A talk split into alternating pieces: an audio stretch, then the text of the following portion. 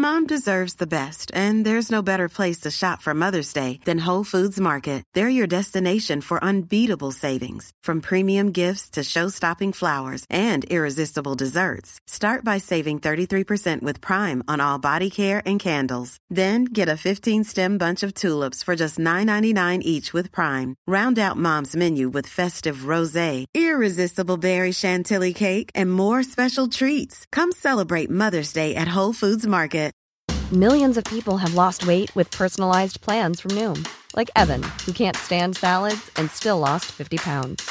Salads, generally, for most people, are the easy button, right? For me, that wasn't an option. I never really was a salad guy. That's just not who I am. But Noom worked for me.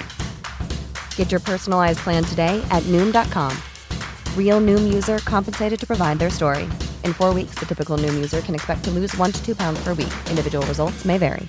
Cool fact a crocodile can't stick out its tongue. Also, you can get health insurance for a month or just under a year in some states. United Healthcare short term insurance plans, underwritten by Golden Rule Insurance Company, offer flexible, budget friendly coverage for you. Learn more at uh1.com. Since 2013, Bombas has donated over 100 million socks, underwear, and t shirts to those facing homelessness.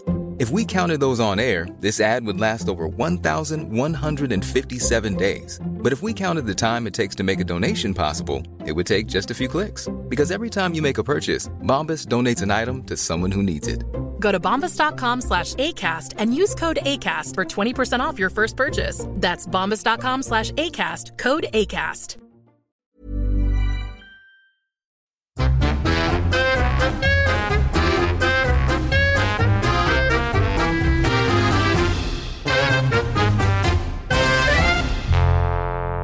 Varmt välkomna till podden Inte din morsa. Med mig Sanna Lundell och... Med mig Ann Söderlund. Vi har visat sig att vi har snöat in på samma grej exakt samtidigt. Vad ovanligt. Vad...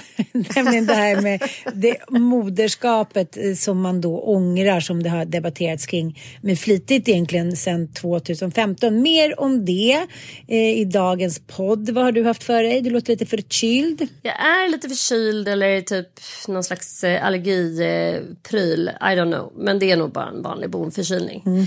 Men jag har även skaffat mig en bonbränna. Vet du vad en bonbränna är? Det är nästan som golfbränna va? Fast eh, mm. är det inte typ som golfbränna? Att det är så här halv arm. En gammal klassisk bondskjorta typ. Ja, mm. man liksom är knallbrun bara i fejset. Mm. Så min underbara IPL-behandling, trots att jag har smort mig som en galning med så här 50 SPF och sånt så är jag brun som fan. Det är någonting som händer liksom med mitt pigment. Först är det dött, man är liksom lik i typ så här hela vägen fram till maj och mm. sen är det som att det, det bara exploderar så blir jag liksom knallbrun så på händerna och i ansiktet. Mm. Vilket är väldigt härligt men det är också väldigt deppigt att åse eh, resten av kroppen ja. och huden.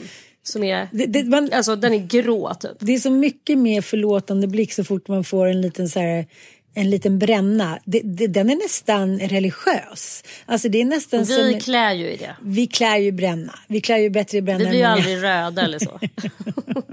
vi är så, är så heta gjorda. Är inte vi ändå typ heta. skapade för att ligga i någon slags solstol och röka jo, jag... och dricka lite vin. När vi väl gör de två till tre minuterna åt gången så är vi ju fabulösa. Det är så synd på så rara vi har också mycket plan- Vi har också så många planer på att vi ska göra det och sen så liksom på något sätt i sista sekunden så är det alltid något åbäke som liksom följer med eller någonting som händer.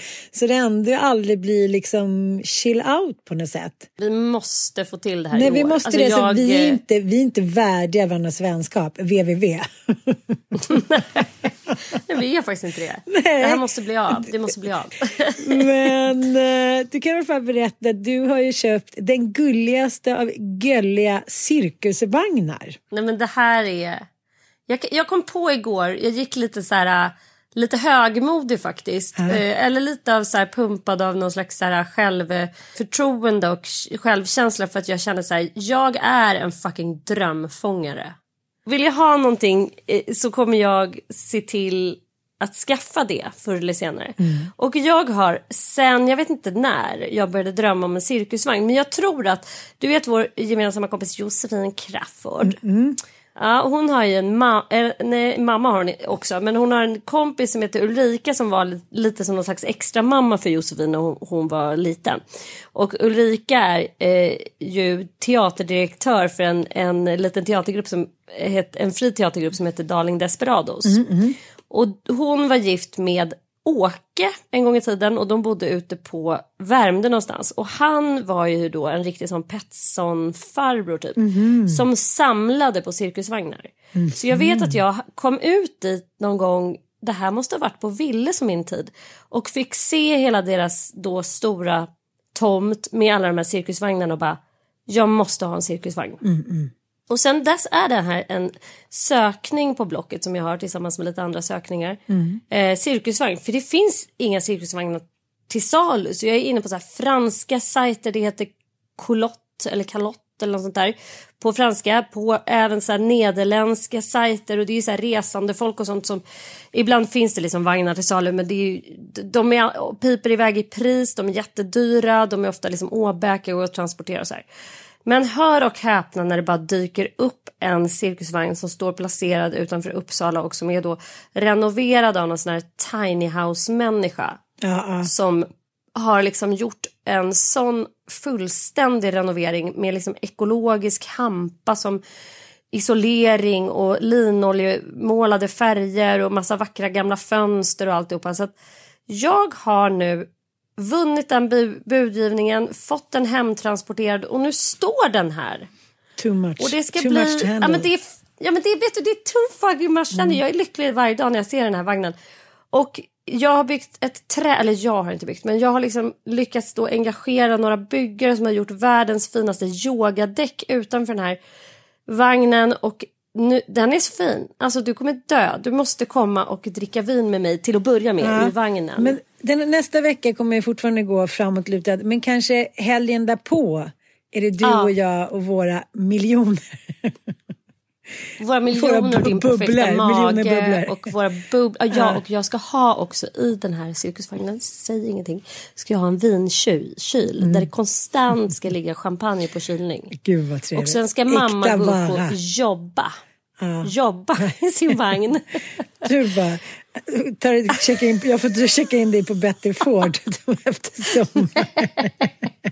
Ja, det får vi verkligen Thomas.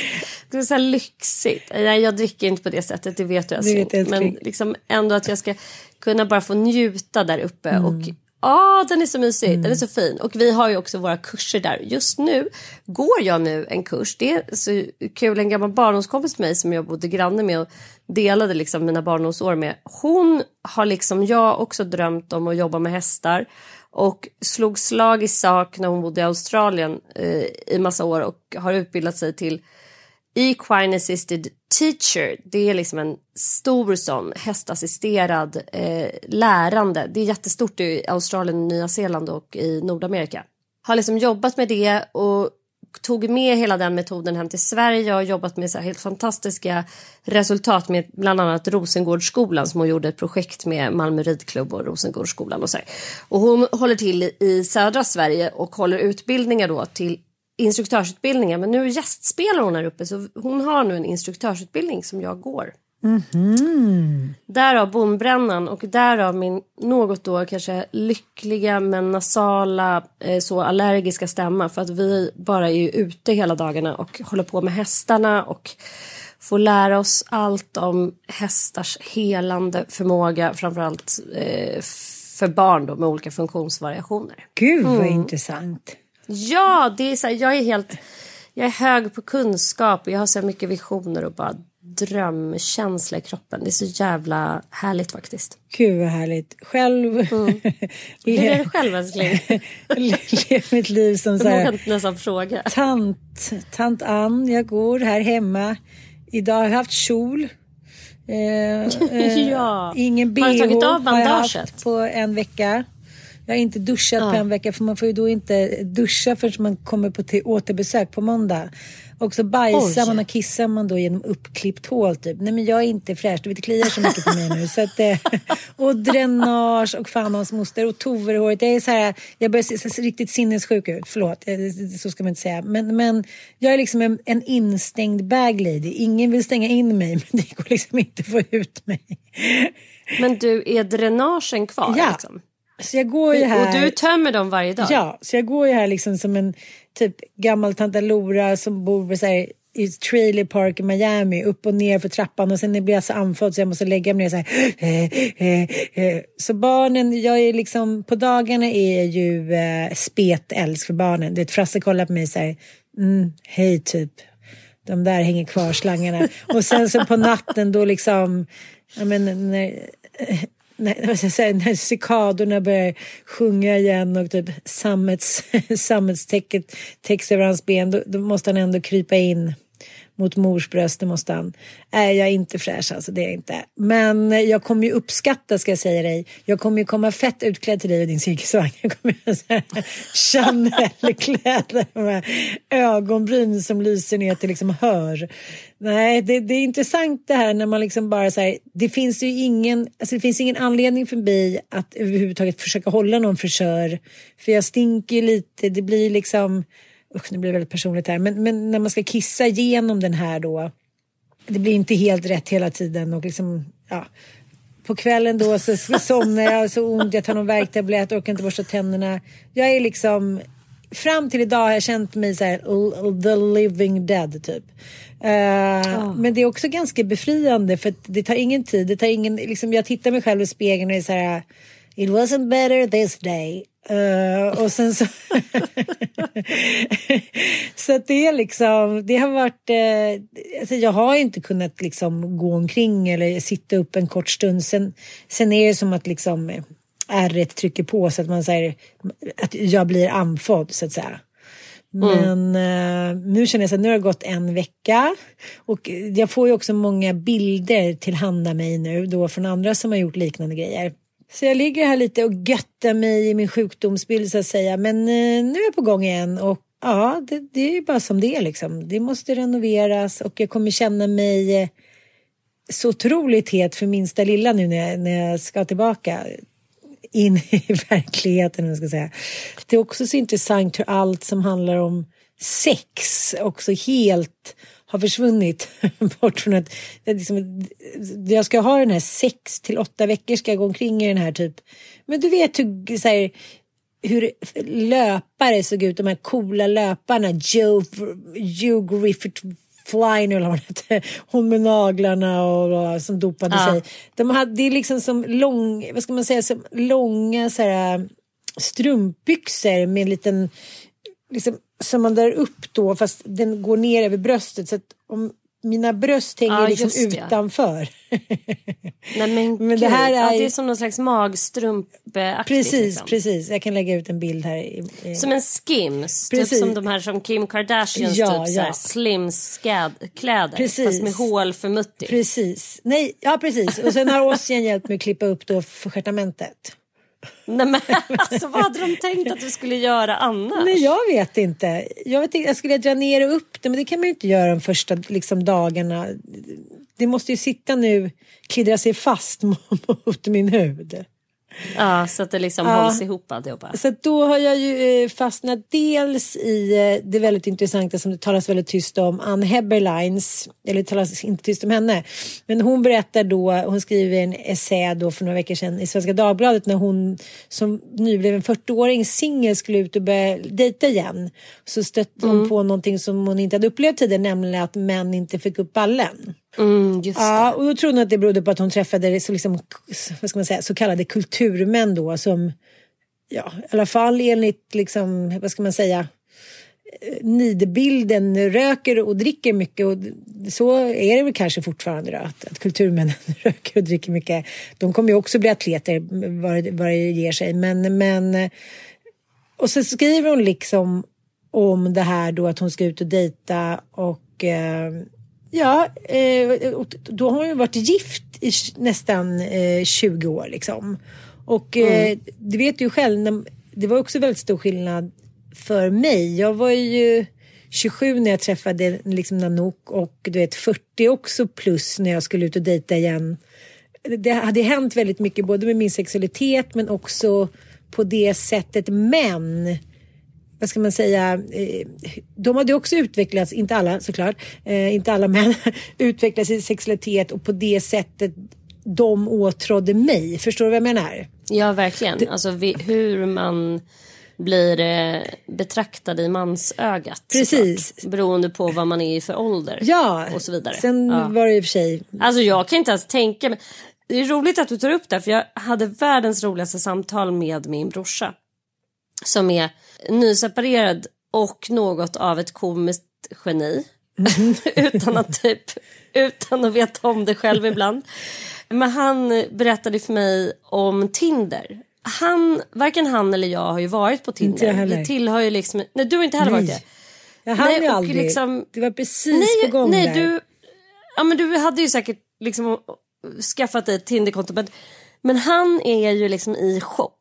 Han är i total chock över, han sa så här, de bevingade orden, det är liksom inte människor som är inne på Tinder. Sa han. Och han hade bland annat gjort spaningen, jag bara kände att jag måste typ skaffa Tinderkonto bara för att så här, verkligen förstå. Men han var så här, men du förstår inte Sanna, det är bara bilder på människors typ, alltså dels är det så här friluftsbilder. Det verkar vara en grej som folk lägger ut och skryter med att de minsann är friluftsmänniskor.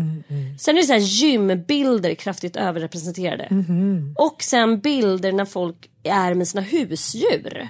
Ja. Och sen var han också väldigt förvånad över liksom sökorden. Att så här, det går typ inte att söka efter någon som är intresserad av poesi. Nähä. det är bara ytliga intressen. Ja, det är så jävla ytliga saker. Och att så här, eller en viss sorts typ så här folkrockmusik som han kanske då är intresserad av. Alltså det, nej men han, han hade den roligaste utläggningen om sin, sitt korta besök på Tinder. Han, bara, han insåg snabbt att så här, jag kommer aldrig kunna, det kommer aldrig funka, jag är för kräsen, det går inte liksom. Jag, kan, jag får inte någon kontakt och så här. Och vi, lär, vi, vi började också prata en hel del om våra attraktionsmönster. Liksom, att så här, vi är så inne på liksom, kemi och att kemi måste finnas för att man ens ska intressera sig för att ställa några följdfrågor. Typ. Alltså, om man inte upplever kemi omedelbart så är det svårt. Äh, äh, ja, och det behöver inte vara någonting som är friskt hos oss. Det, det kan ju vara någonting som är, är osunt och som hindrar oss i vårt sökande efter kärlek. Men, men så är det i alla fall. För liksom, det är roligt med med så här, en klar blick på någonting som folk bara normaliserat. Alltså det är ju på Tinder folk träffas nu vad det verkar. Eh, det är i alla fall betydligt mer vanligt än att träffa någon på en bar. Ja, jag vet. kanske var så här, alltså det är så här, nej men gud det kan man typ inte göra. Och det, det, det är väldigt roligt när någon som typ har levt under en, ja vad ska man säga, vad heter det, under en burk. Vad heter det? vad heter det uttrycket? Nej, men säg i en bubbla. Eller? Ja men som, någon som har levt som en bubbla liksom. Ja. Ja, och jag skulle ju själv säkert ha samma upplevelse av Tinder. Jag skulle ju bara tycka att det var helt absurt säkert. Nej, men, jag måste testa. Men det är nästan det enda som jag känner att det står helt utanför en nykter blick. Jag har ingen aning. Jag, jag, liksom, jag, Nej, jag kan inte relatera. Jag, jag är utanför renässanskvinna som får liksom ta jag en bara, vadå, vad säger, tidsmaskin vadå och bara... swipa? Nej, jag, jag känner så här, för mig är det, känns det otänkbart. Men det är klart att om man skulle bli singel nu så skulle man ju, eh, skulle vi alla förmodligen denna vägen försöka vandra.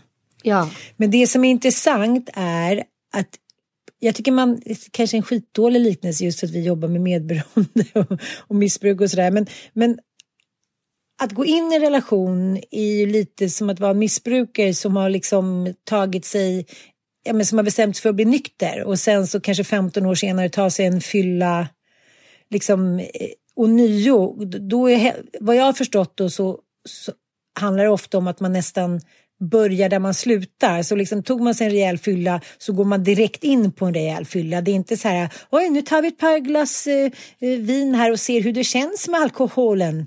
Eh, utan när man väl faller dit så gör man det liksom. Och så kände jag också precis som Ann Heberlein beskriver i Svenska Dagbladet. Att man har gått in i en relation, man liksom kastas ut ur den 15 20 år senare och är så här okej, okay, här kommer mor Sali gående liksom, din, med dinosaurierna eh, på Söder typ. Att det blir liksom att helt plötsligt så är det, dels var det en helt ny palett. Jag kunde ju välja män som var lite yngre, män som var lite äldre, män som jag förut hade träffat. Alltså det var liksom en, en, en helt ny palett. Men, men alla var ju liksom inte i ungdomens färg. För det som ungdomen handlar mycket om är att man ser då männen som säger de ska jaga en, det ska vara tjatsex, man ligger, man hinner knappt ligga innan de kommer. Eh, eh, det är liksom, den är väldigt pålitlig sexualiteten och den är väldigt djurisk. Så kände jag i alla fall när jag var väldigt ung. Att det var så här, herregud, ska det pippas nu igen liksom? Okej, okay, mm, då, får vi, då gör vi väl det. Och vad man än var och hur än var och liksom i alla skeden så var liksom de männen jag hängde med beredda att pippa liksom. Och sen så eh, går man, ger man sig ut och liksom, ja, ett antal år senare och inser att liksom, män som är ens egen ålder är inte lika virila och pålitliga längre. Liksom. Och eh, hon beskriver också att hon har då eh, blivit kär i en kille som hon dejtar och han har liksom försökt då, jag måste läsa nästan för det är så roligt. Tre decennier senare låg jag i en lägenhet på Söder med besvikelsen bultande i mellanjärnet och kände mig misslyckad. I köket stod mannen som nyss lämnat sängen och rökte under fläkten. Hans nakna pojkaktiga kropp lyses upp av det kalla ljuset från lampan i fläkten och köksklockan tickade olycksbådande högt. Kuken hängde slapp och blek mellan hans lår men han förstört kollade sin Twitter. Efter närmare en halvtimmes försök att genomföra någon sorts sexakt hade han abrupt dragit sig ur och nappat åt sig telefonen med orden Detta är nog ungefär vad jag mäktar med. Och eh, det hände ju mig också när jag hade sex då med en kille, eh, man i min ålder och vi hade haft sex en gång och sen så tyckte jag så här, ja, nu kör du igång igen innan du ska sticka hem till din fru. Förlåt. Uh, och då var han så här, ja, nej, nej, det, det, du vet, nu är man lite äldre, nu funkar det bara en gång. Jag var så här, jaha, ska det inte tjatas och liggas och rökas och pippas hela natten? Nej, nej, okej. Okay. Jag kommer ihåg att det var lite som att här, ställa fram tekitteln och säga, okej, okay, tack så mycket för idag då. Då ses... då kan doktorn komma tillbaka.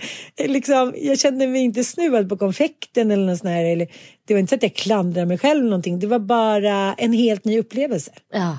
Och uh, sen kan inte jag säga att jag mötte så mycket av liksom, impotens som, uh, som Ann Heberlein skriver om att hon har då liksom hon menar att den banala uppfattningen om mannens sexualitet som okomplicerad och obändig har ju då hon liksom, som hade hon ju tillskansat sig genom, ja men som genom mm. ungdomlig erfarenhet liksom. Ja men är det inte lite grann så här, jag tänker ju också att så här, mäns, alltså det är väl en, eh, en fördom som jag tror både ligger kvinnor och män i fatet att så här, ja men män de kan ju liksom bli pappor när de är 75 typ, alltså de är ständigt kåta och virila typ, men det ju, stämmer ju inte för att testosteronet sjunker liksom i takt med åldern och impotens är extremt vanligt. Vad fan var det någon som skrev i, angående en, ett ämne som jag vill ta upp här i podden, eh, aborträtten som just nu håller på mm.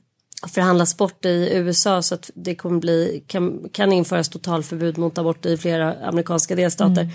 Men det var någon som la upp eh, en väldigt rolig att så här, men gud, men då tycker jag verkligen att vi ska sluta subventionera Viagra mm. som ju är ett då som är eh, subventionerat av amerikanska läkemedels ja, eller de, deras typ vård liksom. Mm. Eh, vilket det är i Sverige också. Skriver en läkare ut Viagra så kan du få det utskrivet. Det ses som typ ett sjukdomstillstånd att vara impotent vilket är mm. liksom absurt. Ja det är samma sak där. Det är inte mänsklig rättighet att vara 90 år och ha liksom en pizza som står i 10 timmar. Det Nej det är det faktiskt inte och jag mm. tycker verkligen absolut inte att vi kanske behöver subventionera det eh, så.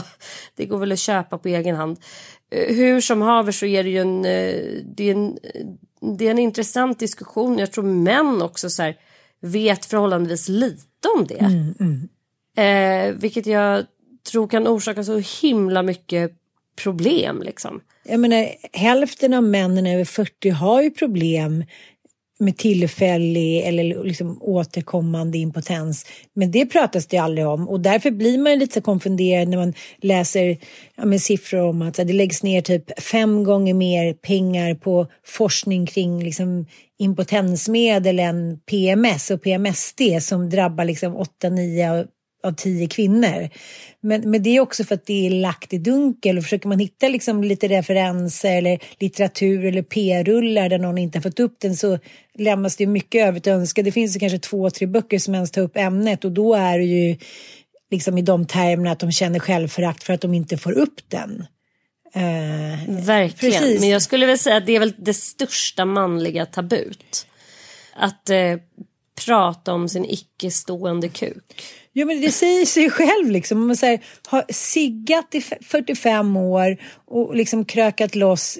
Det är klart att kuken inte liksom hakar på på samma sätt som när man var 20. Men måste man liksom, det är som med allting, det måste ju finnas någon form av ja, det måste finnas någon form av hälsa kring den också. Den står ju inte bara av sig självt och allting blir tröttare, även eh, Nopedoni liksom.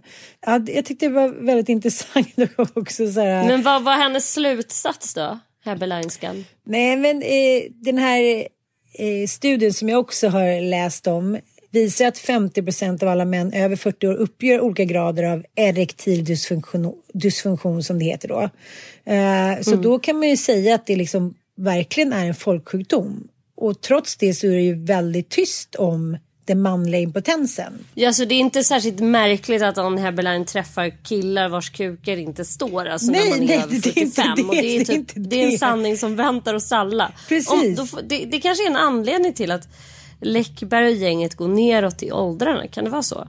Mm, ja, så kan det vara. och jag, jag, menar, jag tänker också att så här, för män, jag tycker det är en ganska rimlig förklaring när det gäller alltså med, om fetischer. Därför att om man tänker sig, alltså du som har fem pojkar och, och jag som i alla fall har tre. Eh, jag kan ibland tänka ibland med så här, lite sån å, oro på deras typ sexdebut och mm, mm. kravet på pojkar att alltid ha ståkuk och mm. alltid komma. Mm. Och om man inte levererar det så blir kvinnan då antingen ledsen eller känner sig otillräcklig eller eh, alltså. Ja, enligt gamla som, kulturella två, Nej men jag som har två brorsor har ändå fått jag vet, vi måste, eh, det måste vara liksom ja. helt okej eh, att inte så att säga prestera nej. och leverera det som man och pojke. Precis som att det ska vara okej för en kvinna att säga nej, jag känner inte för det. Så måste det vara okej även för män. Och vi har en föreställning om att mäns sexualitet är mycket starkare. Obändig. Och, eh, obändlig och de kan sätta på vad som helst. Ja. Liksom i stort sett. Och det där är också så här. Så därför tror man ju att fetischer som då är så vanligt bland män. Det är i alla fall en teori.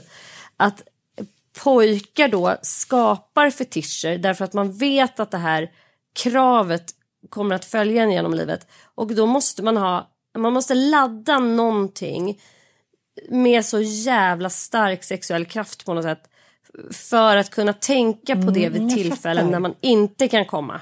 Mm. Typ så här, eh, jag använder då en nätstrumpa till det eller en sexuell sko mm. för då kan man alltid prestera oavsett vem det är som är föremål då i den här, här sexakten. Jag tycker det är en ganska intressant teori och, och, och, precis som att jag vet att det finns tjejer som också behöver ha liksom olika typer av mm. eh, fetischer eller miljöer för att kunna gå igång så att säga. Liksom. Mm. Att koppla sin sexualitet därför att resten av samhället också är så här ska vara så jävla avsexualiserat. Jag menar, jag som håller på så mycket med djur. Mm. Alltså hundar kan man ju inte fostra till att inte vara kåta. Nej. Kommer en löptyg då blir den ju, alltså då blir ju mina hanhundar helt superkåta mm. liksom. Det går ju inte att hindra dem. Mm. Eh, förutom att hålla i dem då och sådär. Men man kan inte hindra själva känslan, man kan inte träna bort känslan. Men vi människor, mm. vi ska glida runt i så här könsblandade miljöer. Folk har ägglossning till höger och vänster. Vi har liksom ferom, ferom, vad heter det? feromoner. Och, mm. feromoner. Vi, vi går runt och som vi så här, låtsas som att vi inte har typ. Mm. Eh, vår kultur kräver av oss att vi inte ska agera på sexuella instinkter överhuvudtaget. Mm. Men sen ska det helt plötsligt bara slås på och så ska man bli vrålkåt. Mm. Precis klockan åtta när man har tid att knulla när barnen har lagt Mm. sig. Det är egentligen ganska konstigt. Alltså det är ganska stor, stort, högt ställda krav Ja. på både kvinna och man. Jag vet och jag har suttit och läst såna här gamla Eh, men, eh, rättsfall i Gam-Sverige om då eh, män som har vägrat att gifta sig då med, med kvinnorna de har gjort gravida efter att då har liksom lockat med det för att få stoppa in den liksom. Och eh, det här är så otroligt intressant hur det svänger från liksom 1600-tal till 1700-tal till 1800-tal. Att liksom på 1600-talet då är det lika många tjejer som blir beskyllda tillbaka. Men Anna Länsdotter kom in där till drängstugan där jag låg och så sa hon nu ska, nu ska jag ligga med dig. Och så hoppade hon ner och alltså det är ett himla liksom hitan och ditan. Och det blir liksom rättsfall där de ofta dömer då eh, till fördel för kvinnan liksom. Och att mannen döms väldigt hårt då om han är otrogen eller inte tar ansvar för sin sexualitet som erövrare eller patriark så att säga. Men sen svänger ju det där liksom på 1700-talet då när kvinnan ska vara kysk och eh, och, ja, du förstår att om hon gör någonting då blir hon direkt eh, ja, men klassad som En hora, som typ. hora eller lössläppt eller sinneslö och bla bla bla. Så att det är väldigt intressant att läsa de här berättelserna att man tänker sig det har alltid varit till mannens favör. Men, men det har inte alltid det. Det har liksom varit mer jämlikt och mer jämställt. Och jag kan efterlysa det, precis som Ann Heberlein skriver, att så här, det, vore, det vore så jävla intressant om vi pratade lite om det. För det verkar som att vi alla blir tagna på sängen av mannens, plöt, eller plötsliga mannens liksom fallande fallos och impotens. Fast den är ju lika naturlig precis som att kvinnan inte är liksom kåt hela tiden och mer kåt vid ägglossning och inte så kåt när hon är gravid och hit och dit så har ju såklart mannen också cykler. Och om det då är en mänsklig rättighet som det är enligt WHO att man ska ha ett fungerande sexliv då gäller ju det också mannen och helt plötsligt så blir det en helt en annan uppenbarelse att säga men gud det, det kanske är lite synd om mannen ändå. Vi, vi, vi kanske liksom har, har, har vänt helt på steken. Och tänk om man kunde få läsa lite sådana skildringar om män som kanske inte har fått upp den och får ägna sig åt annat. Och, alltså, det kanske blir en annan sexualitet också om man erkänner att det här finns på något sätt. En annan ömhet Har och inte, intimitet. alltså jag för mig, det är någonting som kommer till mig. Och solen har sin gång. Hemingway, har du läst den? Ja, det har jag. Eh, Där har ju inte han någon bristande lust kanske, men han har ju, han har ju, en, han har ju ingen penis. Är det inte så? Han har ju blivit av med, med paketet så att säga. I Just någon det, just det, krigsskada. just det. Just det. ja. Vilket ju är liksom hela, jag tycker det är en sjukt intressant den är en av mina favoritböcker. Jag läste den när jag var läsa om 20. Nej, ja, men det jag- var så jag- länge sedan också. Jag kommer liksom inte exakt ihåg.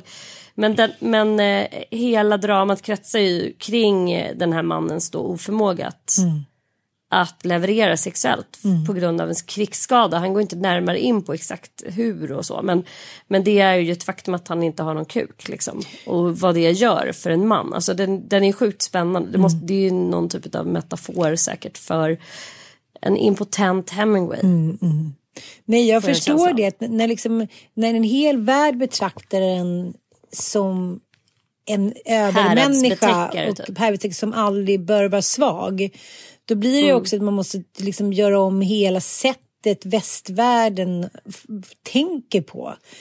Förstår du hur vi ser på Mm. mannen? Men kanske se på mannen med lite mer, vad ska jag säga, ömhet och förståelse än att så här, "Ja, bara sätta på hit och dit. Jag kommer ihåg en av mina bästa killkompisar som säger jag älskade när min fru var gravid för då kände jag att jag inte behövde prestera liksom.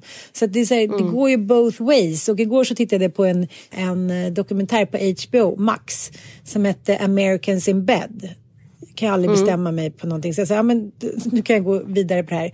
Och då handlar det om då hur amerikaner har det i sängen. Liksom. Och då slog det mig så himla starkt att att det handlar mycket om det där att mannen ska vara lite otrogen och mannen behöver känna att han liksom kan få vara snuskig och kåt och sätta på vad som helst och kvinnan kan också vara det tills hon gifter sig. För även om hon innan känner att jag tycker vi ska ha en öppen relation och mannen inte tycker det, då ger hon sig in i någon form av förståelse för hans känslor. Okej, okay, jag fattar. Om inte du vill det, då får jag försöka tänka om hit och dit. Medan männen i den här dokumentären, där kvinnorna eh, då inte ville att man skulle ha en öppen relation, inte kunde förstå det för att de tyckte inte att, att man kunde förvägra sig den lyckan av jakten. Förstår du vad jag menar? Mm, mm. Och den enda egentligen fina relationsskildringen som jag tyckte i hela dokumentären det var av ett muslimskt par, ett ungt par eh, och av ett lesbiskt par. Eh, mm. Där kvinnan då var gift när hon träffade ja, den andra kvinnan på någon dejt liksom. Och hur hon sa att eh, man blev tokig för hon, Jane satt ju och smekte min arm hela tiden. Att, att det var beröring, det var inte bara så här, jakt utan det var ett erotiskt kapital som man var tvungen att liksom på något sätt förtjäna.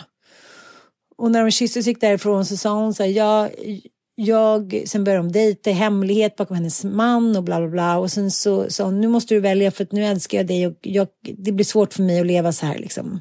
Jag vill heller inte förstöra ditt äktenskap och jag vill bara säga att om du väljer att gå tillbaka till din man eller vara med din man så kommer jag alltid älska dig. Den jag vill är att du ska vara lycklig för du är det vackraste för mig.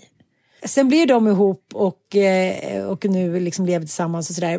Men det var ändå, för mig kändes det som att det nästan inte fanns i denna värld att en man skulle säga så om en kvinna som han åtrådde, älskade och ville ha. Att så här, du får välja själv nu, jag finns här men om du väljer att inte välja mig så förstår jag det. Du kommer alltid vara min bästa vän, jag kommer alltid älska dig, jag vill bara att du ska vara lycklig det gjorde, jag tycker det gjorde ont i mitt hjärta att känna att det så sällan är så. Och jag tror att det handlar just om det där. Jag ska erövra dig. Jag ska visa att jag ska ha det. Jag ska visa att ingen annan jävla man ska få det. Och, och blir det inte så, då, då får jag mörda dig liksom. Att det finns så... Ja, eller då får du liksom. Ja, eller då får det, det vara. Antingen går jag i barndom och så här stöter bort dig eller också så ja Ja, på något sätt så... så att det aldrig finns några mellanvägar. Det finns bara liksom två alternativ. Antingen är du min eller så ska, vill jag inte se dig mer. Precis. Alltså, och att, att man... Mörda dig, inte se Nej, dig, precis. ta bort ur mitt ja, medvetande. Ja, snacka typ. skit om dig och sådär. Mm. Och så var det det muslimska paret, de hade ju varit förlovade i över ett år, ett, ja, drygt ett år innan de gifte sig. Och sen så gifte de sig, ja, men, dels i en moské och sen, ja, de gifte sig två gånger då under den där helgen. Och efter andra giftermålet, då var de officiellt man och hustru. Då stod ja, hennes man stod då och pratade eh, med någon kompis och hon eh, kom fram och tog hans hand. Här berättar hon då, de har ju inte petat på varandra, de har lärt känna varandra men de har aldrig rört varandra sexuellt överhuvudtaget. De har inte ens kramats i stort sett. Så när hon tar hans hand så rycker han till. Gud, som att det var någonting som var livsfarligt liksom. Ja. att, den här fysiska attraktionen som man glömmer bort är så otroligt viktig att skapa sådana intima kärleksband och sexuella band också. De försvinner ju lätt i den här liksom, ah, sätta på, nu ska vi erövra, in, ut, in, ut, sprut, vilket en, liksom, en sexa tyvärr fortfarande än idag ofta går ut på.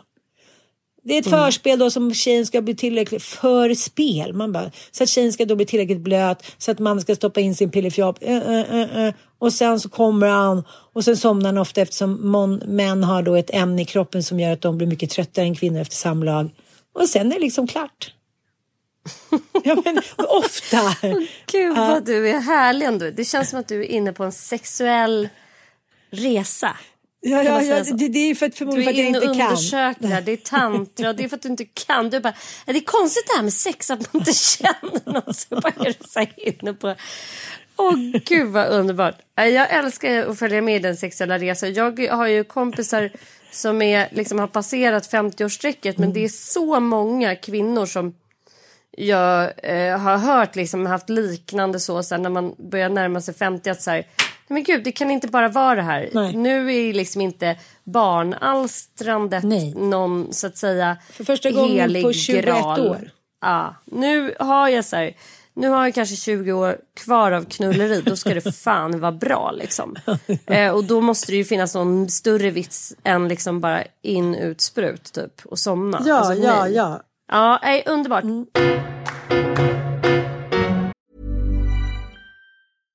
How would you like to look five years younger? In a clinical study, people that had volume added with Juvederm Voluma XC in the cheeks perceived themselves as looking five years younger at six months after treatment. Look younger, feel like you. Add volume for lift and contour in the cheeks with Juvederm Voluma XC. Reverse signs of aging by adding volume to smooth laugh lines with Juvederm Volure XC. For important safety information and to find a licensed specialist, visit juvederm.com. That's J U V E D E R M.com. Not for people with severe allergic reactions, allergies to lidocaine, or the proteins used in Juvederm. Common side effects include injection site redness, swelling, pain, tenderness, firmness, lumps, bumps, bruising, discoloration, or itching. There's a risk of unintentional injection into a blood vessel, which can cause vision abnormalities, blindness, stroke, temporary scabs, or scarring. Talk to a licensed specialist to find out if it's right for you. When you're ready to pop the question, the last thing you want to do is second guess the ring. At Bluenile.com, you can design a one of a kind ring with the ease and convenience of shopping online. Choose your diamond and setting. When you find the one, you'll get it delivered right to your door. Go to Bluenile.com and use promo code LISTEN to get $50 off your purchase of $500 or more. That's code LISTEN at Bluenile.com for $50 off your purchase. Bluenile.com code LISTEN.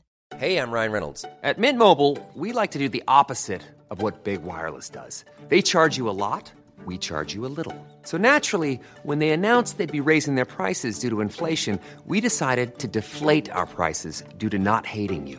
That's right. We're cutting the price of Mint Unlimited from $30 a month to just $15 a month. Give it a try at mintmobile.com slash switch. $45 upfront for three months plus taxes and fees. Promote for new customers for limited time. Unlimited more than 40 gigabytes per month. Slows. Full terms at mintmobile.com. Quality sleep is essential. That's why the Sleep Number Smart Bed is designed for your ever evolving sleep needs. Need a bed that's firmer or softer on either side? Helps you sleep at a comfortable temperature? Sleep Number Smart Beds let you individualize your comfort so you sleep better together. JD Power ranks Sleep Number number 1 in customer satisfaction with mattresses purchased in-store. And now, save 50% on the Sleep Number limited edition Smart Bed for a limited time. For JD Power 2023 award information, visit jdpower.com/awards. Only at a Sleep Number store or sleepnumber.com. Låt oss nu, efter denna cliffhanger som du inledde podden Mm. med, prata om, om det som vi båda hade liksom spanat på och som vi nu har haft en brinnande iver att få diskutera. Nämligen det ångrade moderskapet ju, Mm. som har varit på tapeten i diverse olika stora tidningar. I DN har vi kunnat läsa om detta. Vi har kunnat se olika inslag om det på olika ställen i etern och hört om det och så vidare. Det här är ju, som du var inne på, någon, någonting som lyftes redan 2015. Vem var det som skrev om det då? Men då var det ju eh, en israelisk författarinna som hade gjort en stor eh, internationell studie. Om, hon hade intervjuat 13 kvinnor, liksom, ja, djuplodande då, som ångrade sitt moderskap. Ja. Ja, och eh, det här blev ju eh, en otrolig debatt kring, särskilt i länder där moderskapet anses som att vara någonting väldigt, eh, jag menar, liksom vad ska man säga, kyskt och eh, tappert, om man ska säga. I Tyskland så rasade ju debatten. De tyckte inte att det här, liksom, hur, hur kunde man säga och så här. Och ju mer man läser om det så det är ju aldrig någon som har sagt jag ångrar mina barn. Eh, jag, vilket många män har sagt. Men utan de har ju sagt att jag, jag ångrar att jag gick med på omgivningens påtryckningar för att jag ville egentligen hellre ha en katt som den här då Ann-Katrin Dolium som var med i eh, Efter tio för några veckor sedan och det blev ju ett halabaloo. Bland så skrev Åsa Bäckman i Dagens Nyheter Att så här, okej, okay, tyck det, men snacka med någon polare om det eller så här, gå inte ut med det i tv. Dina barn kan läsa det var ju kontentan. Men då tycker jag att eh, Åsa Bäckman kanske inte riktigt har läst eller lyssnat på Ann-Katrin för hon... They never do. Nej, de gör inte De vill gärna bara tycka någonting som mm. är lite kontroversiellt eller tvärtom. För att jag tycker att hon är rätt resonabel, Ann-Katrin. Alltså att ångra sitt moderskap betyder inte att man ångrar eh, det barn som finns. Och, och jag kan absolut tycka att det finns en vits i att man ångrar. Men samtidigt, det jag har liksom förvånats över i den här diskussionen det är en generation människor, jag vet inte om du och jag tillhör den, men där man liksom vägrar ta ansvar över sina beslut. Mm, mm, jag fattar, jag fattar. Eh, att man liksom, dels har man en beslutsångest och sen är man så extremt normstyrd. Och sen när man har så att säga gjort fel då tycker man att allting alltid ska gå att ångra och att man ska få göra om. Mm, mm Men så ser mm. liksom inte riktigt livet ut utan det handlar ju jättemycket om att ta ansvar över sina beslut och acceptans. Att så här, nu blev det så här. Och att gå runt och ångra saker, det...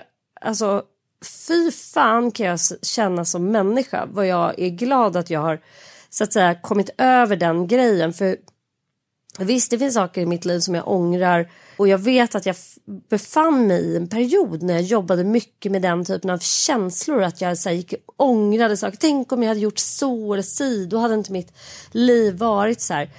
Du eh, ältade lite? Ja, älta. Eh, det, är en, det är en form av så maktlöshet i det och framförallt att man inte vill ta ansvar. Dessutom lever man ju i det förflutna på något sätt. Man lever ju i det här sliding doors grejen. Mm. Så jag kan tycka att det också är någon slags söndercurlad mänsklighet som går runt och bara ah, jag ångrar att jag... Det är också ett jävla lyxproblem kan jag tycka. Mm, mm. Det provocerar men, mig att så här, ah, men hade jag fått välja då hade jag hellre velat liksom leva själv i min härliga lägenhet och så här, inte behövt gå upp på morgonen. Alltså, förstår du lite vad jag är ute efter? Ja för fan, I mean, I mean. jag hade velat vara rik och ah, jag hade levat som Madonna. ja men det är så här, ja då kanske du hade, då, sen de som inte har barn då ångrar man så här, då ångrar man det för då, jag ångrar att jag är så ensam. Alltså mm, de jag mm. känner som aktivt har valt bort barn Varav, alltså jag känner två personer som säger nej jag vill inte ha barn. Men som nu är 50 och 58. Mm. Och de är mm. så här, gud jag ångrar det så mycket för jag vill inte vara ensam när jag blir gammal. Alltså jag mm. tänkte inte ens på att jag inte kommer ha typ någon släkt. För att alla ens alltså, äldre släktingar dör ju. Mm. Så helt plötsligt är man då så 68 och har inga barn och inga släktingar typ kvar. För att det är ju det som händer när vi blir gamla. Att alla som levde före oss ha, eh, går ju före. Nej, men jag tror att det handlar mycket om självbevarelsedrift och att känna att, att jag kommer bli mindre ensam ju fler barn jag skaffar. Så det är ju en egoistisk handling. Men ju mer jag tänker på det här, för att i alla tider så har det ju varit så att kvinnor inte får prata om vissa saker, inte män heller för den delen, liksom beroende på var man bor, kulturellt, socialt, liksom klassmässigt och sådär. Eh, allt från politik till ålder, till vikt, eh, till eh, sinnessjukdom. Ja, men du vet liksom. Våld i hemmet, sexuella övergrepp hade ju fan inte någon eh, pratat om innan 2017. Eller försökt, men det hade inte liksom. Det var inte så många, inte så lyhört från mobben. Så det tycker jag i och för sig inte liksom är så här, det får man inte prata om. Man får prata om vad fan man vill. Prata om det du vill. Du får ha den, din egen moral. Det som jag kan känna är, som jag också har känt ju mer dagarna har gått och ju mer jag har tänkt på att det är en icke-debatt för mig. För ja. ta liksom 13 snubbar. Jag ångrar mitt faderskap. Du är bara ringa till Tommy Körberg. Det är bara att ringa till eh, Tommy Nilsson. Ring till vilken jävla eh, halvgalen artist som helst i Sverige eller utomlands eller musiker eller skådis eller varvarbetare. Ah, så låg jag med Carro där på midsommarafton så blev hon på smällen skulle hon ha kvar den där ungen. Fan, jag vill inte ha den där ungen men vad fan, man älskar dem ju ändå de där små knyttorna. Jag har en ex-kille som eh, hans dåvarande tjej blev med barn ofrivilligt. Det handlar ju inte om att vare sig kvinnor eller män har ångrat sina liksom föräldraskap. I så fall skulle ju det inte finnas en enda jävla dålig morsa och det gör det ju om man säger så. och har alltid gjort. Så att, eh, egentligen handlar det bara om, som du säger, det här är ju liksom ett ilandsproblem för att man blir tillfrågad. Nu innan vi skulle sätta igång och podda, alla skrek och skulle ha min telefon och ingen skulle hjälpa till. Då kände jag så här, gud jag ångrar mitt moderskap. Aldrig ångrat mitt moderskap så mycket, jag hatar dem så mycket. och jag kan väl också känna så här, men gud vad göttigt jag skulle haft om jag hade till exempel skaffat två barn. Då skulle de ha flyttat hemifrån nu och skulle jag rest runt lite Men med min liksom kulturella karlslag. samtidigt så här, det är en icke-fråga. Nu är det ju som det är. Är du med mig? Är du med mig? Det är så, här, det, är så det är. Har, då kan Ja. du sitta i tv och säga ja, mina tvillingar och jag, vi har god relation, men jag ångrade om jag ville ha en katt. Nej, men jag, jag menar okej. det också. Så här, vi, då kan vi väl diskutera generellt saker vi ångrar. Men jag är hyfsat ointresserad av den typen av liksom, eh, den inställning. Däremot kan jag förstå när man är i min dotters ålder. Eh, Som är ja, men typ i, i Olga och Ossians ålder. Att man, så här, man trevar sig fram. Ska jag välja det? Ska jag göra det? Vad ångrar du? För hon kan ju ofta ställa den typen av frågor. Så här. Är det något du ångrar att du inte gjorde mamma? Så. Eh, Och så börjar man fundera. Så bara, ja, men det är några korkade ekonomiska beslut. Jag önskar att jag hade haft en mamma som hade kunnat vara lite mer tydlig när det gäller sådana saker. Typ. Så jag hade sluppit liksom förlora en jävla massa pengar i onödan på dumma, eh, dumma affärer. Men skit i det. det. Det är ingenting som jag kommer sitta och älta. Alltså, det är på riktigt så. Jag är så glad när jag läser om alla de här som ångrar och eh, håller på och velar hit och dit. Och, och det här med att så här, man måste vilja ha barn. Eh, Jag hade jag har aldrig ens drömt om ett barn. Jag blev ju gravid, liksom. gjorde en abort för att jag blev gravid alldeles för tidigt. Och sen blev jag gravid igen och var så här, men nu då? Ska jag eller ska jag inte? Alltså du vet, nej det, det för mig har det aldrig ens varit, jag har aldrig ens varit i den situationen att jag har fått tänka, ska jag ha barn eller ska jag inte typ? Nej, jag, jag, jag känner mig alienerad från den här typen av ånger som uttrycks liksom. Mm. Och som sagt, Och så man ställs de också etiska frågor som också är filosofiska tycker jag på något sätt. Så här, Studio DN, har man rätt att ångra ett barn? Jag, Ja. jag vet inte, vad ska du göra? Ska du stoppa tillbaka en in i livmodern och liksom gå i barndom? Eller Att det är För man vet ju ingenting om att vara förälder Nej. innan man blir det. Så då, är det så här, då måste vi ställa oss frågan varför söker så många föräldraskapet när vi vet så lite om det? Och så hör man så här, varför var det ingen som sa att man var tvungen att gå upp och amma tio gånger per natt? Varför var det ingen som sa att man inte fick sova, att man inte hade något sexliv? Ja, jag vet inte. Det, det, är väl liksom, det är väl sånt som är höjt i dunkel eftersom moderskapet och faderskapet är olika för alla människor i hela världen. Det går Ja, inte, men sen kan man ju förklara, känna att så här, det, det, det kan jag hålla med om att så här, det, det är ju typ som en hemlig värld när man lever ett tonårsliv och, ett adolescensliv. Att man inte har fått det så att säga, alltså vi, det finns ju olika tabun kring moderskapet som inte till exempel delas, alltså det är mycket, mycket, mycket bättre nu än när vi var, eh, blev första gångs mammor. Ann. Det måste ju du hålla med om. Alltså, Ja, jag, jag hade ju aldrig sett en födande kvinna. Jag hade Nej, aldrig jag sett typ en ammande man, kvinna. Jag visste inte att det fanns en modergap. Nej men alltså det var, man var ju helt borta i huvudet. Helt Ja, jag ärligt. vet, jag och vet. det var ju på riktigt så att det var så här, tidningen Vi föräldrar med så här fotriktiga skor och mammor med så här jättefula frisyr. Det var som att man skulle bli en helt annat eh, folkslag när man blev mamma. Och det var ju, det var ju klart att man bara kände att så här, men gud, ska det här bli jag? Det här är helt fruktansvärt, det här är helt bisarrt. Eh, jag Mm. känner mig och, och det är säkert så var det säkert inte alls för alla. Men för mig var det där, min mamma hemlighöll moderskapets våndor för mig. Både tror jag att hon gjorde det för att det alltid har varit så. Alltså det är en tradition på något sätt att man inte delar med sig om det. Jag visste inte liksom vad avslag var. Att man blödde från ett sår i livmodern i så här, upp till sex veckor efter att man har fött en bebis. Alltså det är sådana saker som är så här basic. Det är klart att vi måste börja bli öppna mer med det så att det inte blir en sån jävla stor chock och att eh, moderskapet också kan upplevas som Alltså jag kan verkligen förstå att man drabbas av så här major psykisk ohälsa för att man bara känner så här, det här pallar inte jag. För att man inte är förberedd för uppgiften. Det är ju samma sak som att ångra liksom att så här, jag ångrar att jag föddes in i det här samhället.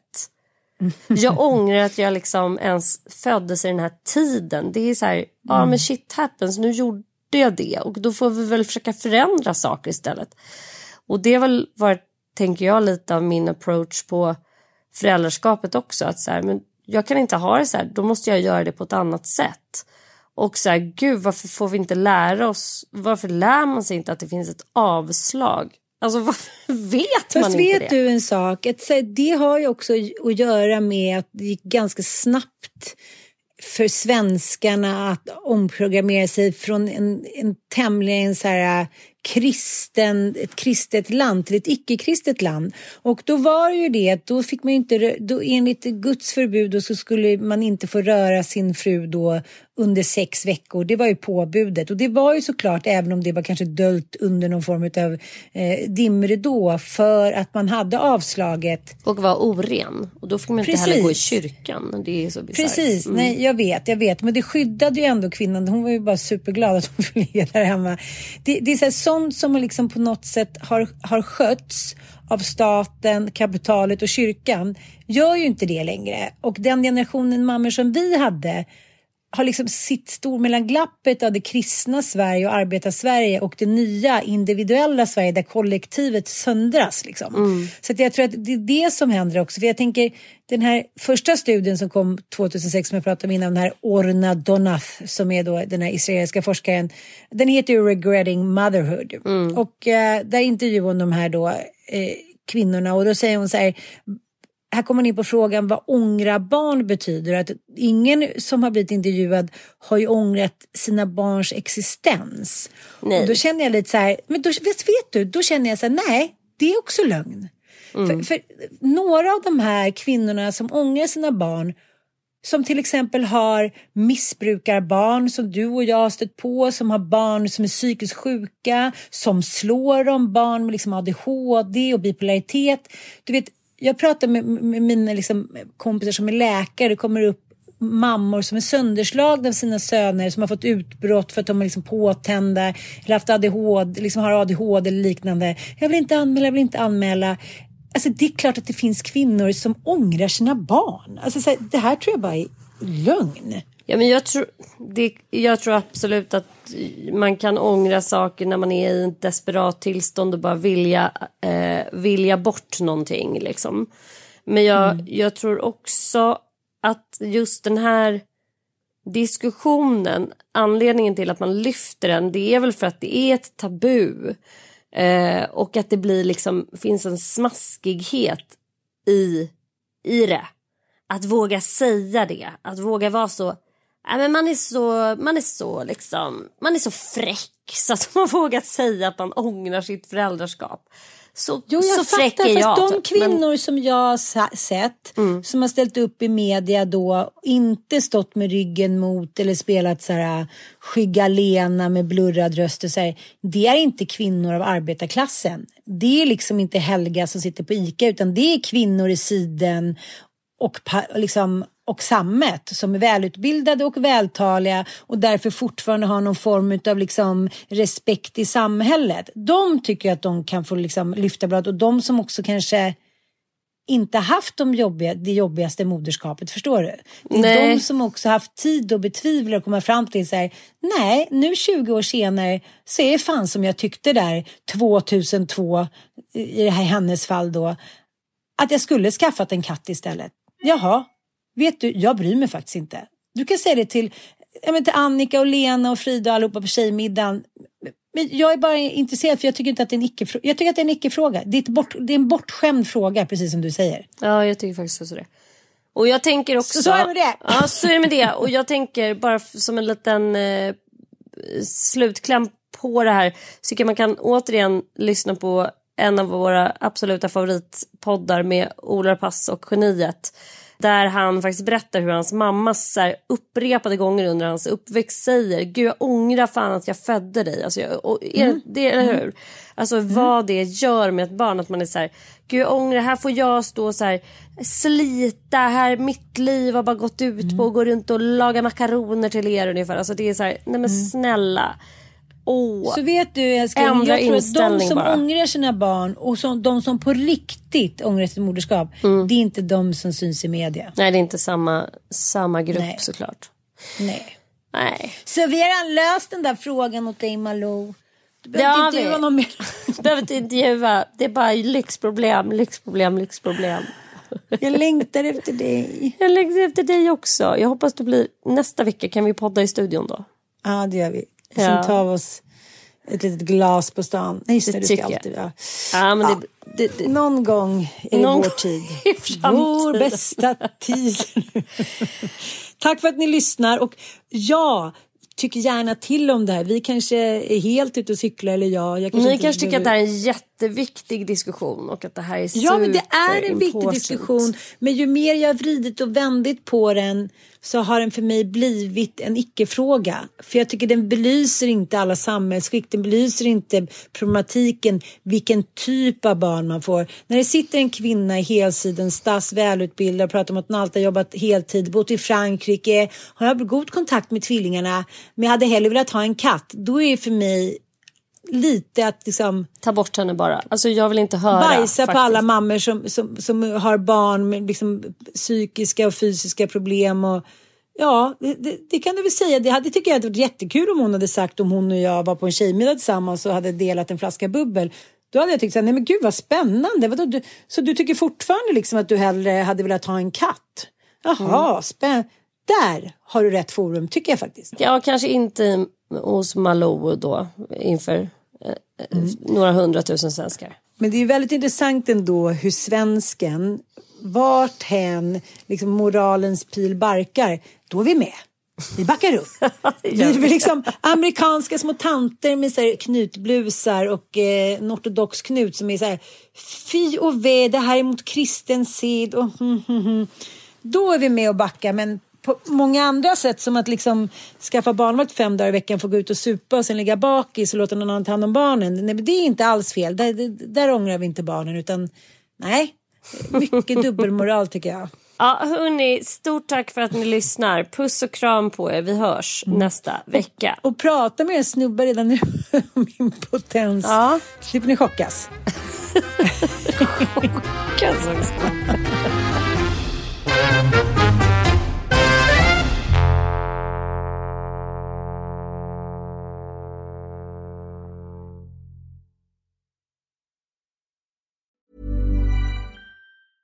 Mom deserves the best, and there's no better place to shop for Mother's Day than Whole Foods Market. They're your destination for unbeatable savings, from premium gifts to show-stopping flowers and irresistible desserts. Start by saving 33% with Prime on all body care and candles. Then get a 15-stem bunch of tulips for just $9.99 each with Prime. Round out Mom's menu with festive rosé, irresistible berry chantilly cake, and more special treats. Come celebrate Mother's Day at Whole Foods Market. Hi, I'm Daniel, founder of Pretty Litter. Did you know cats tend to hide symptoms of sickness and pain? I learned this the hard way after losing my cat, Gingy. So I created Pretty Litter, a health monitoring litter that helps detect early signs of illness by changing colors, saving you money and potentially your cat's life. Pretty Litter is veterinarian developed, and it's the easiest way to keep tabs on your fur baby's health right at home. Go to prettylitter.com and use code ACAST for 20% off your first order and a free cat toy. Terms and conditions apply. See site for details.